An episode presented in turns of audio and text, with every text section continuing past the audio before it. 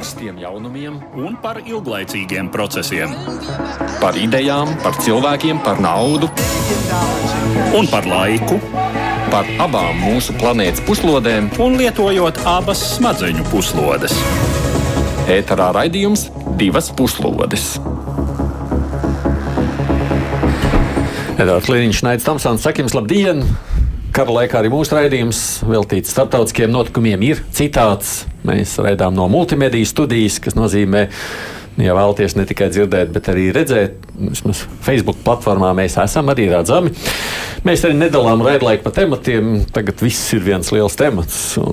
Šodien mēs runāsim par politiskajiem centieniem, kāru apturēt. Mēs kurspunktā pirms stundas spiedām par militāro situāciju Ukrajinā un kā tā perspektīva ir kara perspektīva no šā skatu punkta. Bet nu, viss nedēļas garumā ir turpinājies arī starptautiskais spiediens uz Krieviju, lai tā pārtrauktu, iznīcinātu un postītu. Līdz šim tas gan arī nav nesis vajadzīgos rezultātus. Kāpēc?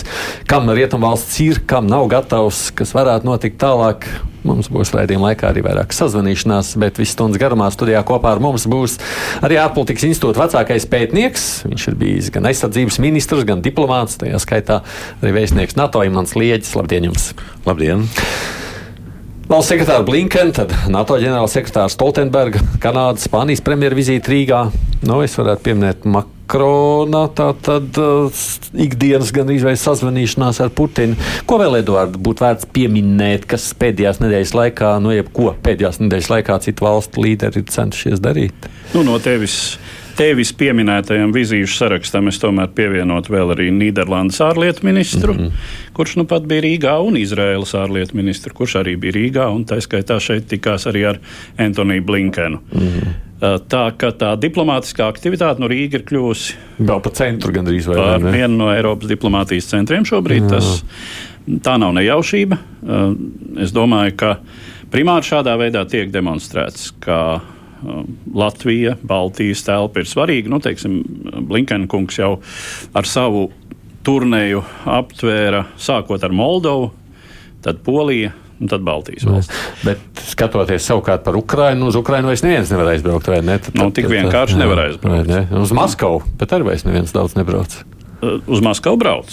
Maskavā, starp Izraelu. citu, tajā brīdī, kad uh, ārlietu ministrs uh, Lapits bija Rīgā, tad Maskavā tieši tajā laikā viesojās Naftalī Benets, Izraels premjerministrs. Uh, un, uh, nu, tas ir viens no galvenajiem tematiem šobrīd. Vai Izraela patiešām var nospēlēt kādu vidutāju lomu šai krīzē?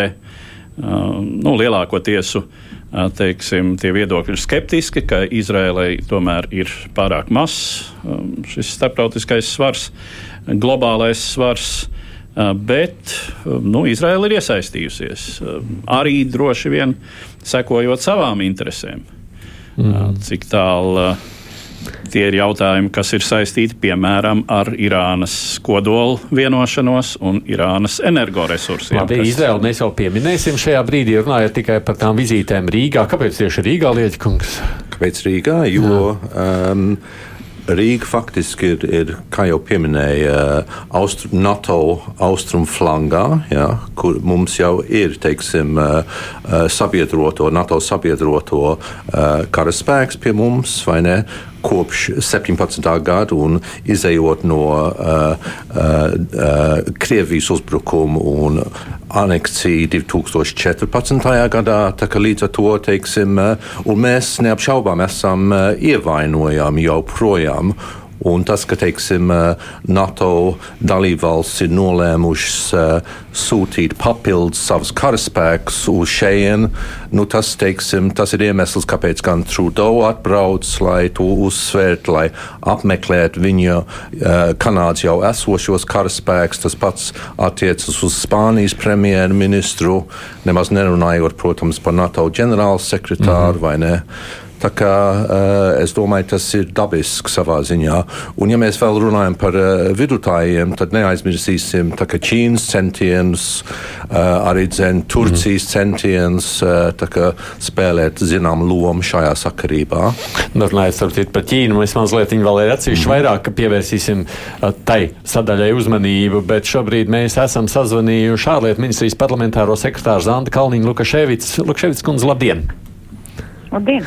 No vairākas dienas jau skatāmies starptautiskajos TV kanālos Ziberītas Rīgas vārds. Tās viss ir tāds ārpuskārtas viesu vizītes Rīgā. Jā, tās viss ir saistītas šobrīd ar aktuālo drošības situāciju reģionā, neapšaubām.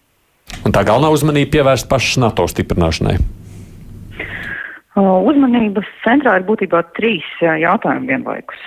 Viens ir joprojām cieša koordinācija par maksimālo atbalstu Ukrainai, Nu, kas ietver gan praktisku palīdzību, gan divpusēju militāru palīdzību ar, ar ieročiem, gan arī nu, diskusijas, piemēram, par kandidātu valsts statusu, īpaši ar Eiropas kolēģiem.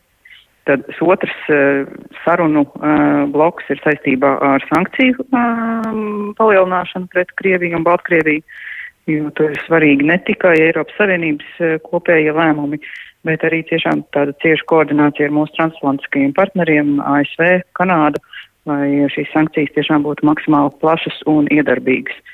Un tad trešais jautājuma bloks, ļoti svarīgais, ir, protams, Latvijas, Baltijas valstu, nu, visa NATO austrumu flanga drošības stiprināšana, kur mēs runājam par vairāk karavīriem, vairāk tehniku, vairāk uh, spējām uh, atturēt un, uh, un, un, un Krieviju no kādām uh, aplamām domām un tiešām tātad mūsu aizsardzības spēju stiprināšanu. Tā skaitā tieši šobrīd arī ar vēl lielāku klātbūtni, vēl lielāku karavīru skaitu, ko šobrīd jau ir paziņojuši, ka sūtīs Amerika, Kanāda, Spānija un ir sagaidām vēl arī citi paziņojumi. Nu, runājot par to pēdējo sacīto, nu, tur, tā, tā, tas nozīmē, ka pie mums būs lielāka NATO klātbūtne nekā bijusi vēl līdz šim, vai ne? Jā, būtiski lielāka. Būs tātad gan šajā Kanādas vadītajā daudznacionālajā kaujas grupā, gan arī tieši ASV klātbūtne. Kā mēs zinām, tad ASV klātbūtne ir, ir papildus jā, šim te daudznacionālajam bataljonam. Runājot par otro savukārt sankcijas, tas ir tas, ko mēs šodien tikko dzirdējām ziņās, runājot par to, ko Eiropas Savienība mm, grasās darīt.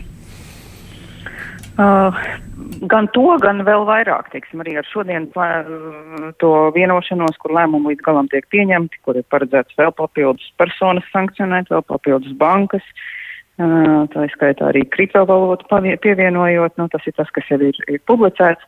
Uh, protams, ka turpinām strādāt ar partneriem, lai varētu tiešām vēl, vēl plašināt šīs sankcijas, uh, lai uh, pēc iespējas sāpīgi ietekmētu Krievijas ekonomiku, lai pēc iespējas ātrāk sagrautu tās spējas finansēt savu kardarbību. Runājot savukārt par pirmo tātad, palīdzību Ukrainai, kas ir šīs nu, tikšanās rezultāts, kā jūs noteikti to galvenos, nu, nu, jā, galvenos rezultātus? Uh, Ukraina pati ir uh, skaidri definējusi, kas ir tā palīdzība, kas viņai ir vajadzīga. Un, un tie ir nu, tiksim, atšķirīgi darba virzieni, bet kas visi vienlaikus ir vajadzīgi. Viens ir tiešām uh, par to, ko ir daudz runāts, par bruņojumu piegādi, par tātad, ieroču piegādi un, un pašas Ukrainas tātad militāro spēju stiprināšanu. Arī Latvija ir jau nosūtījusi un tātad tiek no, turpinās konsultācijas, ko vēl dalībvalsts kādu bruņojumu var piegādāt. Bet otra lieta, kas arī ir ļoti svarīga, ir šobrīd tāda ļoti praktiskā palīdzība Ukrainai, arī humanās palīdzības jomā, kur mūsu sabiedrība, arī uzņēmēji jau daudz ziedo, bet ir nepieciešams, protams, arī tāda plaša starptautiska koordinācija, lai mēs spētu atbildēt uz, uz arī specifiskām Ukrainas vajadzībām, jo ir gan pirmās nepieciešamības preces vajadzīgas, gan saziņas līdzekļi un, un, un arī, teiksim, medicīniskā palīdzība jau ļoti pietiekami arī tehnoloģiski attīstītas lietas, līdz ar to ir jākoordinējas, kurš ko piegādās un kā to ātrāk izdarīs. Un, nu, protams, arī šis Ukrainas pieteikums par Eiropas Savienības kandidātu valsts statusu. Tur jau tātad vakardien Eiropas Savienības padome un tātad dalību valstu valdības ir devuši uzdevumu Eiropas komisijai to izvērtēt, kas ir otrais no soļiem pēc pieteikuma saņemšanas, lai jau pēc tam, saņemot šādu Eiropas komisijas izvērtējumu, eventuāli varētu pieņemt lēmumu par kandidātu valsts statusu piešķiršanu. Paldies Zandai Kalniņai Lukaševicai, saku paldies ārlietu ministrijas parlamentārā sekretāra. Eiropas Savienībai mēs mazliet arī vēlāk šim pieteikumam kļūt par kandidātu valsti, pievērsīsim uzmanību, bet runājot par vispār to, kas tiek spriest šeit Rīgās, Rīgā un ne tikai, protams, Rīgā.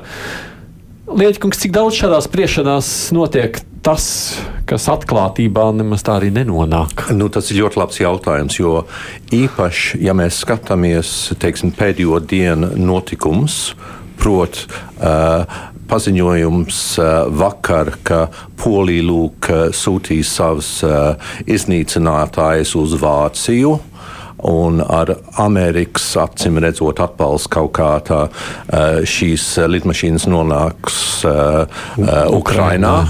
Uh, turpretim šodien teiksim, ir, ir cita ziņa uh, no ASV, ka lūk, uh, tas nebūs tas, uh, tas solis, ko, ka, ko, ko spērs šobrīd. Jo, Un es domāju, ka šeit ir tas, uh, uh, tas līdzsvars starp to, ka uh, Rietumvalsts NATO nevēlas uh, dot iegānstu Krievijai, teikt, lūk, jūs, jūs iesaistaties karā. Uh, jūs aizsargājat, teiksim, konkrētā veidā Ukrainu. Un līdz ar to tas uh, notiek ļoti, ļoti smalki. Manuprāt, tas jautājums ir, vai, teiksim, uh, nu, kas īstenībā notiekās ar, šiem, eh, ar šīm lidmašīnām, jo faktiski tā ir tā galvenā prasība šobrīd no Ukrainas puses. Mēs to redzējām, redzam teiksim, gan televīzijas ekrānos ar, ar teiksim, bēgļiem, ar sievietēm, kas mūk no, no kara un viņas lūdz, lūdz eh, sūtiet, sargājiet mūs, eh, mūsu debesis? Un, un tas, manuprāt, tas ir tas ļoti būtisks jautājums kādā veidā arī notiek tā, uh, citu ieroču piegāde uh, Ukrainai. Es pieļauju caur Poliju, arī teiksim, par to varbūt tik daudz nerunā, ne, lai nodrošinātu, ka, ka faktiski tā palīdzība, arī militārā palīdzība, nonāk uh, Ukrainas rokās. Jo tas, kas acīm redzot šajā stāstā ir svarīgs, tās ir divas lietas. Pirmais, kā to pēc iespējas izdarīt tālu, nu, skaļi nebazunējot, jo tas nevienam nav vajadzīgs šajā brīdī, bet lai notiek bez bazunēšanas. Otrkārt, neviens jau tomēr negrib vai neatklāti nu, vicināt karogu pret Krieviju, sakot, tie esam mēs. Jā, nu neviens negrib darīt šobrīd kaut ko tādu, kas būtu militārā ziņā būtiski vairāk nekā ir darīts līdz kara sākumam. Tātad tie ieroču veidi, kas tika piegādāti Ukrainai līdz iebrukuma sākumam, tie arī tiek piegādāti. Varbūt līdzīga tipa ieroči, Eh, bet jā, nekas tāds, par ko Krievija varētu kvalificēt kā um, nu, teiksim, jaunu eskalācijas pakāpi no tā sacīt kolektīvo rietumu puses, un acīm redzot, šī lidmašīna nodošana uh, varētu par tādu tikt uzskatīta. Nu, mēs varam paspekulēt par to, ka uh, iespējams uh, ir kaut kāda uh, kaut kāds variants to izdarīt tiešām paslepeni, jo šādas eh, lidmašīnas jau līdz šim ir bijušas Ukrainas bruņojumā un ir. Eh, un, eh, nu, tā sacīt, paši atceramies Krievijas. Krievijas šos nekaunīgos gājienus par to, kā nu, nopirka uniformas veikalā un tā tālāk. Nu, un pēc tam jā, sākot no 14. un 15. gadsimta Donbasā, kad tur parādījās nepārprotami no Krievijas iegādāta, turp nogādāta militārā tehnika, bet tika teikts, ka tie, tās jau vecās Ukrainas armijas rezerves, kuras vienkārši ir kritušas šo nemiernieku rokās. Nu, Tīri tehniski izspēlēt līdzīgu gājienu ar tādām lidmašīnām arī ir iespējams, bet. Nu, sarežģītāk izklausās. Bet kāpēc tik ļoti šajā brīdī ir jābaidās no tā fakta, ka nu, lūk, mēs te palīdzam Ukraiņai? Tieši tā, un es nedomāju, ka mēs esam tie, kas eskalē situāciju. Un es domāju, ka ir ļoti svarīgi teiksim, atbilstoši reaģēt katrā posmā, kad Krievija eskalē. Un es domāju, savā ziņā tas ir noticis. Mēs to redzam no pirmās dienas īstenībā. Kaut vai teiksim, ar sankcijām, ar Vācijas nostāju, pēkšņo teiksim, eh, pamatīgu izmaiņu savā aizsardzības drošības politikā, ar, ar, ar Šolts eh, uzrunu eh, parlamentā. Un, un es domāju, ka teiksim, mums ir ļoti svarīgi arī parādīt to spēku Jo, kā mēs zinām, Krievija tikai saprot spēku valodu un spēku rīcību tajā ziņā, vai ne? Jūs, ne, ir, tas iemesls, kāpēc rietumi tik ļoti baidās, tā nu, nu, skaidra pausta pozīcija. Mēs palīdzam Ukrainai, nododam lūk, tur, de, nezinu, 29 lidmašīnas. Nu, baidās uh, no no tā tieši, ka, ka teiksim, Krievija apsūdzēs rietums par eskalāciju. Nu, kas no tā? Tas, tas, un kas no tā? Kas no tā, teiksim, eh, cik tālu tad ies tā eskalācija, vai ne? Krievija jau ir uh, paziņojis, Putins ir paziņojis par savu kodola arsenālu uh, gatavību, vai ne? Tur gan, teiksim, uh, ne NATO, ne uh, ASV nav atbildējuši, ka, ka lūk, viņi arī uh, uh, paaugstinās savas gatavī, gatavības uh, uh, stāvokli mm -hmm. saviem uh, kodolieročiem. Bet uh, dabīgi ir ļoti uzmanīgi jārīkojās ar mūsu kaimiņu. Mēs nezinām, mēs neviens netiekam iekšā Putina galvā tā bailes no Krievijas vienai daļai sabiedrības, man liekas, vairs nav saprotama šobrīd skatoties. Jā, nu es gan varbūt lietotu vārdu nevis bailes, bet piesardzība. Mm. Nu, labi, Tas būtu atbilstošāk. Un, bet piesardzība, jā, protams, acīm redzot, um, analītiķi, kuri ar to nodarbojas, lēš, ka tā varētu būt tā sarkanā līnija, nu, pēc kuras Nu, kas var notikt? Tur, tur ir dažādi scenāriji, bet var notikt piemēram kaut kādas nu, jau konkrētas provokācijas pie, pie NATO valstu robežām. Nu, jā, nu, mēs jau te tiešām nevaram. nevaram uh, ielīst Putina galvā un saprast, uz ko viņš ir spējīgs. Viņš, šobrīd viņš ir pateicis, ka viņš ir spējīgs uz daudz ko. Jā, uh, nu, tādā ziņā var saprast, no, nu, tā problēma laikam ir tāds, kurš tad īsti beigās uzņemsies to atbildību, ka mēs lūk atdevām, vai ne? Poļi nevar atļauties, jo viņiem bail, ka neuzbruk Polijai. Nu jā, piemēram, piemēram ja, um, nu, piesaucot vienu iespējamo variantu, tiek dots kāds raķešu trieciens jau, uh, jau kādam lid, lidlaukam Polijā, piemēram ja, no Baltkrievijas teritorijas. Nu, ko tad darīt tādā situācijā? Nu, ir, tā ir jau konkrēta militāra konfrontācija. Kāpēc arī um, netiek šobrīd izskatīts uh, variants par šo lidojuma, aizli, lidojumiem aizliegtās zonas noteikšanu virs Ukrainas, kas ir sabiedrībā ļoti populāra ideja. Um, tā skaitā Latvijas sabiedrībā, un kā tu saki, ļoti daudziem nav skaidrs, kāpēc to nedara. Uh, Jo, protams, tas ļoti uzlabotu Ukraiņas bruņoto spēku militāru taktisko stāvokli un tas domājams glābtu ļoti daudz Ukraiņas civiliedzīvotāju dzīvības potenciālu. Bet tā ir tieša militāra konfrontācija ar Krieviju. Bet, ja pabeidzot vēl to sadaļu par lidmašīnām, tad beigās izdosies atrast diplomātisku veidu, kā nu, kā Austrijas apmēram sāra. Nu, Krievija vienmēr par katru lietu apgalvo, ka viņi neko nedara. Rietumvārliem valsts arī var rīkoties un sacīt, nē, tie nesam mēs. nu, es nedomāju, ka Rietumvalsts lietos tādu pašu taktiku kā Krievija, kā nekā vai ne. Nemelos, bet nu, tā pašā laikā uh, varbūt viņi uh, skaļi to neafišēs, tomēr teiksim, es domāju, ka tā palīdzība ir uh, tikusi sūtīta uz, uh, uz, uh, līdz Ukrainai, vai ne? Ir nonākusi viņu rokās. Mēs nezinām, cik lielā mērā tas jau projām turpinājās. Nu, turpinās, turpinās. Es sapratu arī no militāristiem, jā, ka tā, tas tad, notiek, jā. Jā. Tas, kas pilnīgi noteikti notiks, tā būs jau esošā atbalsta uzturēšana vismaz tādā pašā līmenī, nu, cik tas ir cik tas ir Ukraiņas armijai nepieciešams. Tas jau arī ir pietiekami, pietiekami nozīmīgs atbalsts. Nu, cikot, tās ir tās lietas, kas šādās sarunās tiek meklēti kaut kādi risinājumi, ko var, ko nevar. Jā, ko, un tad tur ir dažādām valstīm dažādi iebildes un dažādas idejas. Jā, tāds notiek.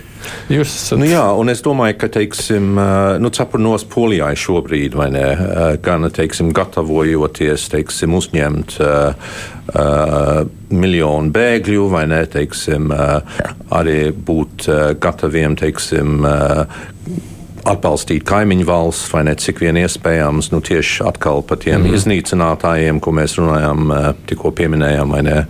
Uh, un likt teiksim, uh, nu, savu ļoti stingru nostāju paust šajā jautājumā. Runājot savukārt par to sankciju spiedienu. Sankcijas spiediens pieauga. Mēs redzam, vispār spiediens šajās dienās pamazām pieaug. Un te jau tika runāts, ka tur būs jau iespējams jau nākošās sankcijas. Krievija kaut kā pielāgosies beig beigās šai situācijai? Nu, es domāju, ka ko mēs saucam par pielāgošanos. Uh, teiksim, Krievijas iedzīvotāji tagad, es domāju, ilgi vairs nedzīvos tā, kā viņi dzīvoja līdz šim.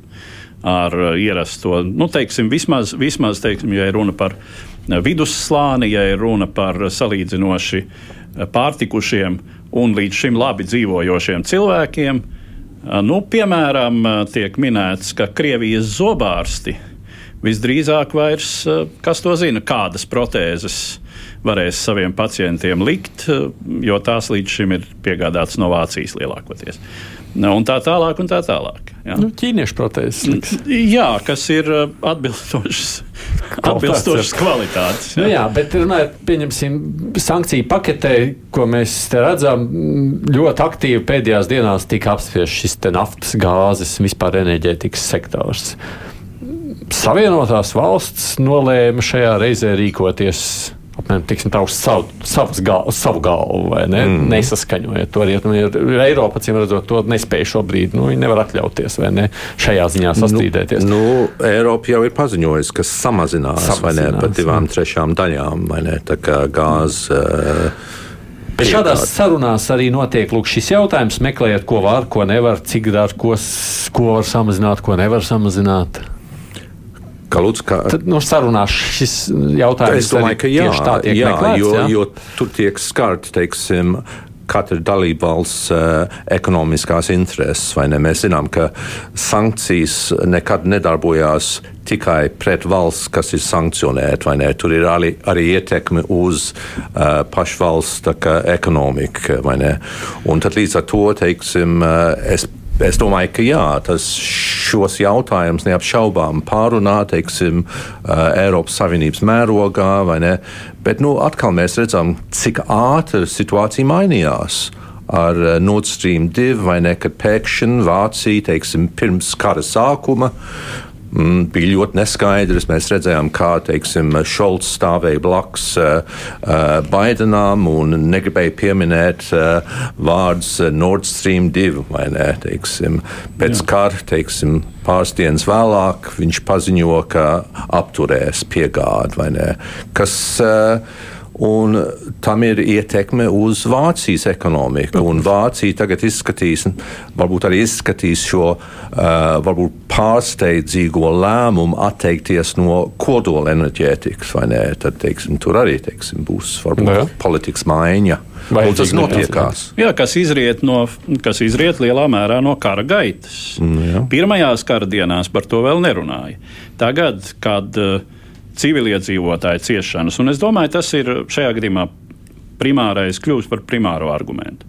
Tas, ko Krievija dara ar Ukraiņas pilsētām, bombardēšanas, humanās palīdzības kavēšana, šie joprojām īsti nestrādājošie evakuācijas koridori, par kuriem vairākas dienas tiek runāts, bet uh, pienāk ziņas par to, ka uh, Krievija ir mēģinājusi pat izmantot šādu koridoru, lai pa to ielaustos. Runa ir par mm. Mariupoles pilsētu, aplenkto. Uh, tā tad tas viss nosaka tālāko rīcību. Un, es domāju, ka Rīgā, starp citu, noteikti tika runāts ar Nīderlandes uh, ārlietu ministru par eh, Gröningenas, eh, vismaz tas tika pieminēts par Gröningenas gāzes eh, ieguvēm kas ir lielākais gāzes, lielākās gāzes ieguves Eiropā, atrodas Nīderlandē. -hmm. Tikai nu, Nīderlanda tās nav līdz šim vēlējusies ļoti intensīvi izmantot ekoloģisku apsvērumu dēļ. Eiropas zaļais kurs, tas ir fosilais kurināmais. Nu, mēs zinām šo līdz šim pieņemto nostādni, eh, kas ir ļoti grūti realizējama. Jo jāsaka, kā ir lielā mērā, eh, tas jau arī tika teikts, ka Eiropa šai savā ekoloģiskajā politikā un šai zaļajā kursā zināmā mērā eh, met atkritumus vienkārši kaimiņu dārziņā. Jo ir jau jauki īstenot skaistu zaļo kursu, iepērkot fosilo kurināmo no citurienes, nevis lietojot savējo. Nu, tagad, acīm redzot, eh, tiks lietots, lietots pašas Savējs. Eiropas rezerves. Bet runājot par to, ko likās vēl pirms mēneša, ne, nu, mēneša pilnīgi noteikti likās, mēs nevaram atļauties. Nu, lik, nu, nebija iedomāts, ka mēs varētu atļauties iztikt bez Krievijas naftas vai bez Krievijas gāzes. Nu, tas šķita tāds. Mēs redzam, ko tas nozīmē naftas degvielas cena Latvijā šodien, mm -hmm. tieši šodien, ir sasniegusi savu absolūto rekordu. Bet skaidrs, ka cenas kāps un vēl kāps. Tas skaidrs, ka mēs par to savukārt maksājam. Bet vai visā šajā sadaļā Krievija arī var atļauties tas, kas parādījās nu, vakardienas izteikumos no Krievijas politiķiem, mēs vispār arī nogriezīsim gāzi Eiropai? Nu, jā, tas būs, tas būs sāpīgi, tas būs grūti, bet eh, jāsaka par laimi, nu, kaut vai runājot par Latvijas situāciju, nu, mēs pilnīgi bez gāzes nepaliksim. Uh, tehniski, jā, tas būs krietni dārgāk, bet Bet vai pat Krievija var atļauties kaut kādas pretsankcijas šajā brīdī veidot? Uh, nu, es domāju, viņi daļēji droši vien blefo, vai ne? Jo, jo uh, kur tad viņiem nāks tie līdzekļi, lai, lai to karu turpinātu uzturēt vai ne? Un, uh, un tur jau viņi saņem tā, tā, tā, tā ir tā pretruna, ka, ka viņi, ka faktiski rietumi finansē, palīdz Krievijai finansēt šo karu, ne? Pērkot naftu un gāzi. Tā kā kaut, kaut lūzuma punkts, uh, kaut kādām lūzuma punktām ir jānonāk manā uztverē, vai ne? Skatoties tālāk tematikā, es tikai atgādinu, mums šeit studijā ir gan ārpolitikas institūta vecākais pētnieks Imants Liedis, un, protams, arī mēs ar Eduardu Liniņu. Divas puslodes nevienmēr viss izdodas tā, kā uzreiz gribētos. Turpinot savukārt skatoties jau Eiropas virzienā, Eiropas Savienība o, o, Ukrainai šobrīd. Man viens no klausītājiem raksta, viņš nesaprot, kāda jēga šobrīd ir runāt par o, Ukraiņas iestāšanos Eiropas Savienībā. Tas taču būtu pilnīgi muļķīgi šādā brīdī uzņemt Ukrainu Eiropā. Mēs taču zinām, ka Eiropas Savienībai vajadzīga ir visu valstu vienprātība, daudz lēmumu pieņemšanās. Iztēlosimies situāciju, kad Kremlis pārņem kontroli Ukrainā, ieliek tur savu valdību, tad jau varētu sabotēt arī visādas lēmumu pieņemšanas Eiropas Savienībā. Jautājums par to, kāpēc par to ir vērts runāt, mēs vispirms aprunāsimies ar Eiropas parlamenta viceprezidentu Robertu Zīli Zīleskungs. Labdien! Labdien! Jā, runājot savukārt par, mēs iesākām tematu par Ukrainu, Ukrainas šo te kandidātu valsts iespējamo statusu Eiropas Savienībā. Kāpēc par to vispār tagad jēgas ir runāt? Uh, nē, nu ir jāgrunā, tas ir ārkārtīgi svarīgi Ukrainas valdībai, Zelenskim, un tas, starp citu, šī prasība diplomātajās, kā no diplomātiskām Ukrainas aprindām jau nāca pirms agresijas uzsākt, pirms kara uzsākšanas. Tā kā tajā brīdī varbūt nebija vairākuma parlamentā vismaz nobalsot uh, par šo aicinājumu Eiropas institūcijiem uzsākt šo procesu par Ukrainas kandidātu valsts statusu, kas ir ļoti vajadzīgs nu, Ukraiņas sabiedrībai kā, kā ziņa, ka viņi nav atstāti, ka viņi nav nodot. To pašu arī teica Zaļenskis uzrunājot Eiropas parlamentu. Nu, nenododiet ar šo. Nu, te droši vien jāpaskaidro tam klausītājiem, kas šeit mums bija uzrakstījis komentāru. Nav jau šobrīd runa, ka Eiropas Savienībā tiek uzņemta Ukraina. Viņa tiek tikai padarīta par kandidātu valsti. Tā, ja? Jā, jā, jā, jā, protams. Jā. Un, un mēs zinām, ka piesniedz mums, manuprāt, bija kādi seši gadi. Mēs veicām sarunas Horvātijai desmit gadi. Uh, nu, es uh, visu saprotu, ka tas pašlaikamā notiek karš, tas arī nav uzsākams tā nopietni šīs sarunas, bet šis politiskais vēstījums ir svarīgāks ziņā par to, kā tas nonāks līdz, līdz tam praktiskam risinājumam. Skaidrs, ka tam nevajadzētu ja tiek panākts kaut kāda veida pamieris vai miers un, un Ukrainā turpi, var turpināt šo rietumu ceļu, tad tas, manuprāt, ir jādara salīdzinoši ātrāk kā citos reizēs. Bet, protams, ir ļoti daudz darba, kas jāizdara. Nu, nevar tā, ka Ukraina bez likumdošanas iestājās Eiropas Savienībā un, un faktiski tā strādā, un tas nav iespējams. Runājot vispār par šo pašu procesu, lai tā kļūtu par dalību valsts, cik tas ir ticams, ja reāls šis uh, ceļš? Uh, nu, es zinu savus uh, vairāk rietumvalsts kolēģus, ar kuriem šonadēļ Strasbūrā esam uh, satikušies. Viņiem, protams, tas uh, uztrauc viņu vēlētājus Rietumē Eiropā, kas mazliet to redz savādāk, un, un arī Ukrainas lielums, protams, kā valsts. Tātad, nu, tas ir 41 miljonus iedzīvotāju, un, un, un tas, tas ir spēks arī Eiropas institūcijās, ja tas notiks, teiksim, nu, dažu vairāku kādu laikā, kad Ukraina tiks iestātos, ja mēs pieņemam šādu secinājumu. Tas daudzus uztrauc Rietumē Eiropā par šobām. Tas nozīmē, ka tāds vienprātība atbild uz to, vai tiešām Ukraina kļūst par kandidātu valsti, vēl nav. Uh, vēl nav, bet es domāju, ka padomē, tas, tas ir padomē jāpieņem nu, tātad val, valdību vadītājiem, kā mandāts jāiedod Eiropas komisijai uzsākt šādu, šādu procesu. Nu, tas uh, nav vienkārši. Mēs zinām, ka nu, patās rītā sākās Eiropa padome, kurā ir arī daudz jaunu aizņēmumu. Uh, līdzīgi kā noturības un atvesļošanas fondam kopējas aizņēmumu uz galda ir uzlikt un daudz citas sarežģītas lietas. Šodien mēs arī šeit tikāmies tik tikko ar Kāju Kalasu, Igaunijas premjerministru, kas uzrunāja parlamentu, un pēc tam mēs runājām vēl. Tad, tad nu, skaidrs, ka šis vienotības jautājums Eiropā domē ir ārkārtīgi svarīgs. Tā skaitā par šo Ukrainas uh, no kandidātu valsts status un daudziem citiem jautājumiem. Un uh, šajā gadījumā nu, tā vienotība ir ārkārtīgi svarīga, jo tikko sāk šķelties par nopietniem jautājumiem. Uh, tad, protams, Putins to var izmantot neapšaubām. Kā jūs prognozējat? Ielējot, ielējot rētās papildus ceļu. Kā jūs prognozējat, kas sanāks no tā visa? Es ceru, ka tomēr saprāts uzvarēs un tās prioritātes būs skaidrs, kas ir tas svarīgākais. Jo, protams, šeit ir arī šodien ar Igaunijas premjerministru runājot vairāk man kolēģi no kreisās flanka politiskā runāja par to, kā, ka mums par sociālo politiku nedrīkst aizmirst, ka Eiropieši nu, varētu kaut kā arī ciest. Un skaidrs, ka, ja šī situācija ir tik asa un arī enerģētikas sektors, jūs nevarat izkļūt bez nu, zināmiem ekonomiskiem un sociāliem pasliktiem. Ir lieta, ka jums jārūpējas, protams, par vistrūcīgāko slāni, visvairāk nepieciešamo. Tas katrai valstī ir jādara un ar Eiropai kopā. Bet jūs nu, nu nevarat teikt, ka jūs ne, necietīsiet nemaz. Uh, Tas, tas tāds arī tāds ļoti delikāts jautājums, jo, ja kādam, teiksim, Vācijā var likties, ka ja, degvielas sadārdzināšanās neļauj viņam braukt vairs tik daudz un tik ātri pa autoceļiem, ka tas viņam iekrāts spiedienu uz valdību, nu, tas kaut kā jāpārdzīvo ir. Varbūt tās arī mobilitātes, teiksim, nu, kā lai saka, paradumi ir un, un mainās. Paldies, Roberts Zīle, Eiropas parlamenta viceprezidents. Runājot par šo visu, nav īstenībā atceramies, tā, ka bija uh, viss tā dramatiskā situācija Sīrijā. Mums jau tas šķita nu, pietiekoši tālu.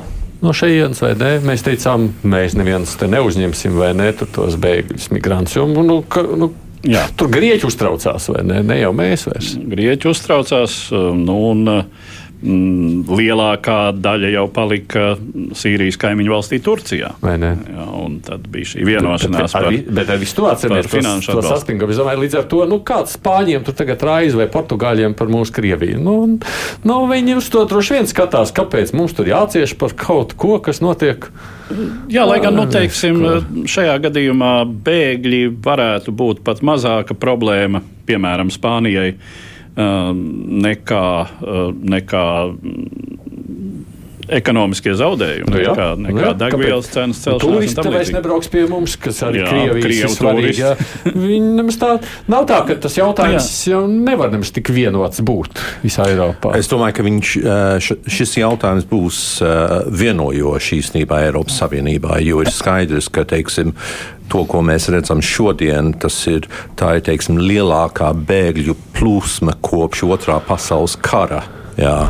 Šeit teiksim, jau tagad ir runa par divu miljonu bēgļiem. Jā. Un tad līdz ar to es domāju, ka uh, tā solidaritāte, teiksim, kas. Uh, kas varbūt iztrūka un kas, teiksim, 15. gadā, kad bija šī situācija ar, ar, ar iepriekšējo bēgļu krīzi Eiropas Savienībā, tad, teiksim, Eiropa ir gājusi tālāk, un, un tas ir skaidrs, ka tie skeptiķi, kas bija arī starp uh, uh, Baltijas valstīm, varbūt Poļiem, Ungāriem, tas, tā, tā, tas ir pazudis neapšaubām. Un jautājums tiešām ir, vai, teiksim, Nu, neviens jau nespiedīs Grieķus, Grieķijai uzņemt atkal veselu kaudzi bēgļus, bet es domāju, ka, ka, tas, ka tas ir apzināts, ka, ka šī ir teiksim, tiešām uh, milzīga krīze. Un es domāju, ka Eiropas Savienība varētu teiksim, parādīt, ka, ka tās spēs ar to tikt galā. Hmm. Jā, un te mums, es domāju, varētu noderēt uh, tie um, mehānismi, par kuriem ir domāts arī līdz šim. Uh, nu, kā Eiropa solidāri var palīdzēt risināt šo problēmu, jo nu, skaidrs, Polija uh, primāri, droši vien arī mm, Slovākija, Rumānija, Ungārija. Tās visas ir Ukraiņas kaimiņu valstis. Tur jau ierodas bēgļi, arī Moldovā, starp citu, kas nav Eiropas Savienības kandidāta uh, dalība valsts, bet ir ļoti cieši saistīta vēsturiski ar Rumāniju. Un, Tā tad nu, arī mēs jau izjūtam, jā, mēs jau redzam kaut vai kā netiek galā bēgļu atbalsta centrs tepat Rīgā.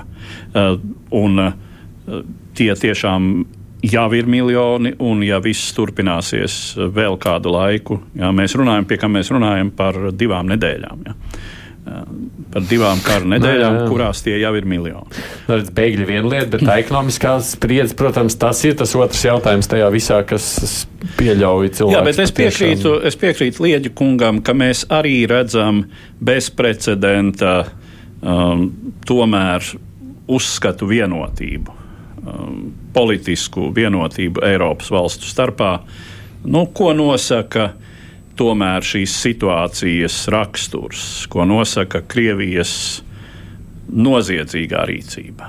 Uh, konsekventi, nu, jāsaka, bandītiskā politika, kas ir acīm redzama. Un tas, uh, tas ir pat atšķirībā no Sīrijas, kur tiešām ļoti daudziem eiropiešiem varbūt bija grūti saprast, nu, kas tad īsti tur pret kuru karo. Un, un tur tiešām bija tā situācija nepārspīlējot tāda, ka karoja visi pret visiem. Un, un, uh, Eh, teiksim, bija eh, sabiedrotie vienu brīdi, vai, vai pat visā procesā vieni, ar vieniem sabiedrotie. Mm. Bet, uh, sabiedrot, bet ar otriem pretinieki kaut jā, tur šīs alianses, krustām šķērsām Turcijai, Krievijai, Savienotajām valstīm bija milzīgs juceklis. Nu šeit situācija ir ļoti skaidra un nepārprotama. Vai tikai nav tā, ka beig beigās pierod pie visa? Nu, šobrīd jau tā, liekas, tas spiediens tiek audzēts. Nu, Jā, nevelti, nevelti Boris Džonsons šo.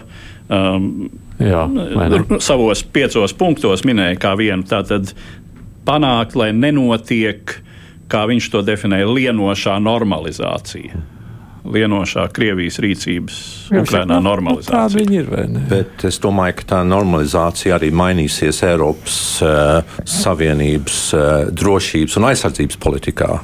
Jo, ja teiksim, pirms gada uh, viss kautrējās no eh, strateģiskās autonomijas, ko eh, Francijas prezidents Makrons lika dienas kārtībā. Šodien faktiski šāda autonomija vai mums labvēlīgākais, labvēlīgāks vārds būtu strateģiskās spēju paaugstināšana. Eh, tā faktiski eh, notiek mūsu eh, acu priekšā jā, ar Vācijas lēmumu paaugstināt savu aizsardzības budžetu līdz 2% no IKP vai neko, teiksim, Tas bija solīts politiski NATO ietvaros līdz 2024. gadam, bet, kā mēs redzējām, Vācija nebija nekāda indikācija, ka Vācija to izdarīs. Uh, augstākais pārstāvs Borels uh, uh, paziņo, ka, ka lūk, uh, Eiropas Savienība uh, uh, naudu piešķirs, lai uh, nogādātu ieročus Ukrainai, un šīs ir milzīgas uh, izmaiņas atkal, vai ne? Bet kas ir iespējams tikai pabeidzot šo tematu, jums vēl vienam aspektam jāpieķeras klāt. Ir Nu, var jau notikt kaut kas tāds, nu, te, piemēram, saka, šobrīd ļoti uztraucās par šo atomelektrostaciju Černobīļu, ka tur elektropiegāde pārtrūks un ka tur Ukraiņas steidzam aicina rīkoties. Nu, proti, varbūt notiek atkal kaut kas tāds kas beig beigās vēl piespiež vienalga iesaistīties kādas valsts. Tas, kas liekas šodien vēl neiespējams, pieņemsim tāpat gaisa telpu nodrošināšana. Varbūt, ka vēl pēc kādām dienām tie ir notikumi, kā, kā teica Čērčils, vai ne, kas vai ne? veido teiksim, vēsturi. Mēs jau iepriekš nezinām, kā, kā tas pārvērtīsies. Jā. Vai tas būs teiksim, līdzīgi kā augustā 91. gadā, puķis Maskavā, vai ne, kaut kas tur notiekās, vai ne? Jā, jā notikums arī mēs nezinām. Bet ir vēl viens aspekts, par ko man liekas, mēs gribam šajā dienā pieminēt. Mēs ļoti daudz runājam par Ameriku, par uh, rietumvalstīm, bet uh, otrs nu, sadaļa, kas notiek nevis pie mums rietumu pusē, bet notiek austrumos. Uh, mēs pirms raidījuma īsi sazvanījām Rīgas Traģiņu Universitātes Āzijas programmas vadītāju un Aleksandru Bēziņu Čerenkovu runājot par Ķīnu un ne tikai par Ķīnu. Klausāmies ierakstu. Labdien, Nūna! Labdien! Sveicienu, sveicienu no saulainās Hāgas, kur vietējie joko, ka viņa pilsētā esot viss izņemot Vladimiru Putinu. Nu, tāds melnais humors, bet. Bet tur vēl viss varētu būt priekšā šajā brīdī skatoties. Es, protams, ne par Hāgu, bet šoreiz gan atkal par Ķīnu, par Āziju un visu to pusi. Skatoties vispirms, ja runājam par pašu Ķīnu, Kas šobrīd notiek, runājot par šo Krievijas-Ukrainas karu? Kā šajā stāstā uzvedās uh, šī liela valsts? Ķīna principā pieturās pie savas tādas vidējas pozīcijas, ik pa brīdim sūtot tādus kā nu, atbalsta signālus kā no vienas puses Krievijai, bet no otras puses, protams, izvairoties pilnīgi nostāties Krievijas pusē. To mēs īstenībā novērojam jau kopš 24. februāra, No vienas puses, Ķīna, protams, eh, atbalsta Krievijas redzējumu nu, retoriski par to, ka NATO ir izplaties un, un, un rada apdraudējumu, un ka, protams, Krievija ir nemājīgi lūk, saistībā ar, ar to, kā NATO ir ietekmējusi un izveidojusi šo Eiropas uh, drošības arhitektūru. Bet no otras puses, Ķīna turpina atkārtot mantru par to, ka Ķīna ciena valstu teritoriālo nedalāmību. Galu galā tas ir arī uh, viens no tādiem galvenajiem paziņojumiem, kur Ķīna vienmēr saka attiecībā uz sevi, ja, un, un, un, un ciena suverenitāti. Tātad, tā, nu, faktiski Ķīna mēģina manevrēt, protams. Mm. Bet mēģina palīdzēt, palīdzēs Krievijai. Jo Krievijai faktiski šobrīd vajadzīga ir palīdzība ekonomiski un visādi citu, vai ne? Es domāju, ka Ķīna nav ieinteresēta tajā, lai Krievijas, uh, protams, mēs nezinām līdz galam, kas ir Krievijas plāns, bet mēs esam visi dzirdējuši šīs interpretācijas par to, cik tālu Putins ir gatavs iet, cik ļoti viņš grib, ko viņš vēlas panākt, bet uh, Ķīnas interesēs tas nav. Cita lieta, teiksim, lai, lai, lai Krievija uh, atgūst, iegūst šādas teritorijas un faktiski rada šādu ilgtermiņu drošības krīzi Eiropā. No otras puses, protams, Ķīnai netik daudz patīk Krievijas pozīcija, cik simpatizē tas, cik liels galvasāpes Krievijas rīcība sagādā kolektīvajiem rietumiem. Ķīna tieši tāpat kā Krievija tic šai idejai par to, ka rietumi ir ASV virsvadībā, ka ASV ir tāds nu, marionešu raustītājs, kurš lūk visus NATO dalību valstis un arī vispār plašos kolektīvos rietumus mm. mēģina noskaņot pret jaunajām valstīm, kad neļauj tām attīstīties. Jā, tātad, nu jā, tas ir tā politiski, nu, bet, bet, bet ekonomiski, jā. finansiāli Krievijai vajag investīcijas, Krievijai vajag valūtu, Krievijai šobrīd ir jautājums tīri ekonomiski nepieciešams atbalsts? Jā, mēs dzirdam paziņojumus par to, ka, piemēram, UnionPay varētu tikt izmantots tagad, kad Mastercard un Visa Krievijā nestrādā. Ķīna varētu to kaut kādā veidā kompensēt, vai arī par tehniku, ja mēs redzam, ka Krievijā tātad ņemot vērā sankcijas un lielo kompāniju arī atteikšanos strādāt Krievijas tirgu. Ķīna varētu, Ķīnas šī te, um, tehnikas industrija, augstākās augstāko tehnoloģiju industrija varētu ienākt. Bet uh, šeit es nepiekrītu vārdam palīdzēt. Tā būtu iespējas izmantošana no Ķīnas puses, nevis kāda solidaritāte un izpalīdzēšana. Katrā ziņā, uh, ja Krievija būs nonākusi tādā situācijā, ka tai nāksies izmantot šos Ķīnas standartus, tad noteikti Krievija maksās par tiem pilnu un smagu un lielu cenu. Mm. Tā nebūs dāvana. Vēl runājot par Āziju, savukārt interesants jautājums ir mazliet par citu citām valstīm, vispār reģioni, tīpaši es vēl iedomājos PSRS bijušo reģionu Kazahstānu un pārējais, kur arī mēs redzējām pirms nu, dažām mēnešiem ļoti dramatisks ainas. Šobrīd izskatās, ka arī tur nu, ir tāds tā kā vismaz publiski apjukums. Ir skaidrs, ko cits Āzijas reģions par visu šo situāciju domā un grasās rīkoties. Jā, Kazahstāna, Tokājevs, Hasip Šamar Tokājevs noformulēja savu pozīciju pirmajā laikam martā uh, paziņoja, ja pirms tam jau visu šo nedēļu viņš bija klusējis, bet, protams, paziņoja viņš tieši tā, kā jūs teicāt, ja, arī no vienas puses uzsver valstu suverenitāti, bet no otras puses viņš sūdzās par to, ka lūk, Minskas nolīgumi uh, visi ir, ir neizpildīti, un tas esot novedis pie kara darbības Ukrainā. Tātad, protams, viņš ir nesaka, ka Krievija ir no, iz, izraisījuši šo situāciju. Nu, principā, protams, arī šīm valstīm ir. Um, ir jāmēģina balansēt, jo no vienas puses, m, mm, attiecīgi, tā kā mm, Krievija nonāk ļoti stingru sankciju ietekmē, tas uh, ietekmē arī šīs valsts, piemēram, Kazahstānu. Mēs uh, šobrīd redzam ziņas, ka Kazahstāna mēģina um, kaut kādā veidā atrisināt to, tos milzīgos zaudējumus, kuru, kurus tā ir rada sankcijas, jo Kazahstānas jēlnaftas eksporti plūs caur Krieviju, un tagad uh, Kazahstāna mēģina pārorientēties uz savos eksportos pa šo transkaspijas ceļu ceļu, bet nu, tas, tomēr ir tāds, nu, pat zinām, panika tajā ir. Mm -hmm. Bet es gribētu arī uzsvērt, ka mūsu žurnālisti kolēģi no Radio Brīvā Eiropā un arī no citurienes uzsver, ka faktiski jau, piemēram, mēs paskatāmies tādas valsts kā Kirgistānu un Uzbekistānu, no vienas puses Krievija ziņo, ka šo valstu vadītāji izsaka lielu atbalstu Krievijas pozīcijai, bet pašas valstis savos uh, diplomātiskajos kanālos publicē tādus savus, savus paziņojumus, kur nav nemaz tāds atbalsts Krievijai. Mm -hmm. Tā tad ir pretruna. Un runājot ar kolēģi no Kirgistānas pagājušajā nedēļā uh, un uzdodot viņam šo pašu jautājumu, kas tur notiek, viņš saka, ka viņa paziņu starpā un viņa šajā sociālajā burbulī nu, reti kuram nav Ukraiņas karodziņš pie profila fotografijas. Protams, eh, mēs arī redzam ziņas par to, ka tomēr notiek sadursmes un milzīgi strīdi arī sociālajos tīklos starp Kremļa atbalstītiem, kuru arī netrūks Centrālā Azijā, un tiem, kas šim gadījumā ir mm, par Ukrainu. Bet uh, ir polarizēti viedokļi. Centrālā Azijā nevaram teikt, ka visi domā vienoti vai vienādi.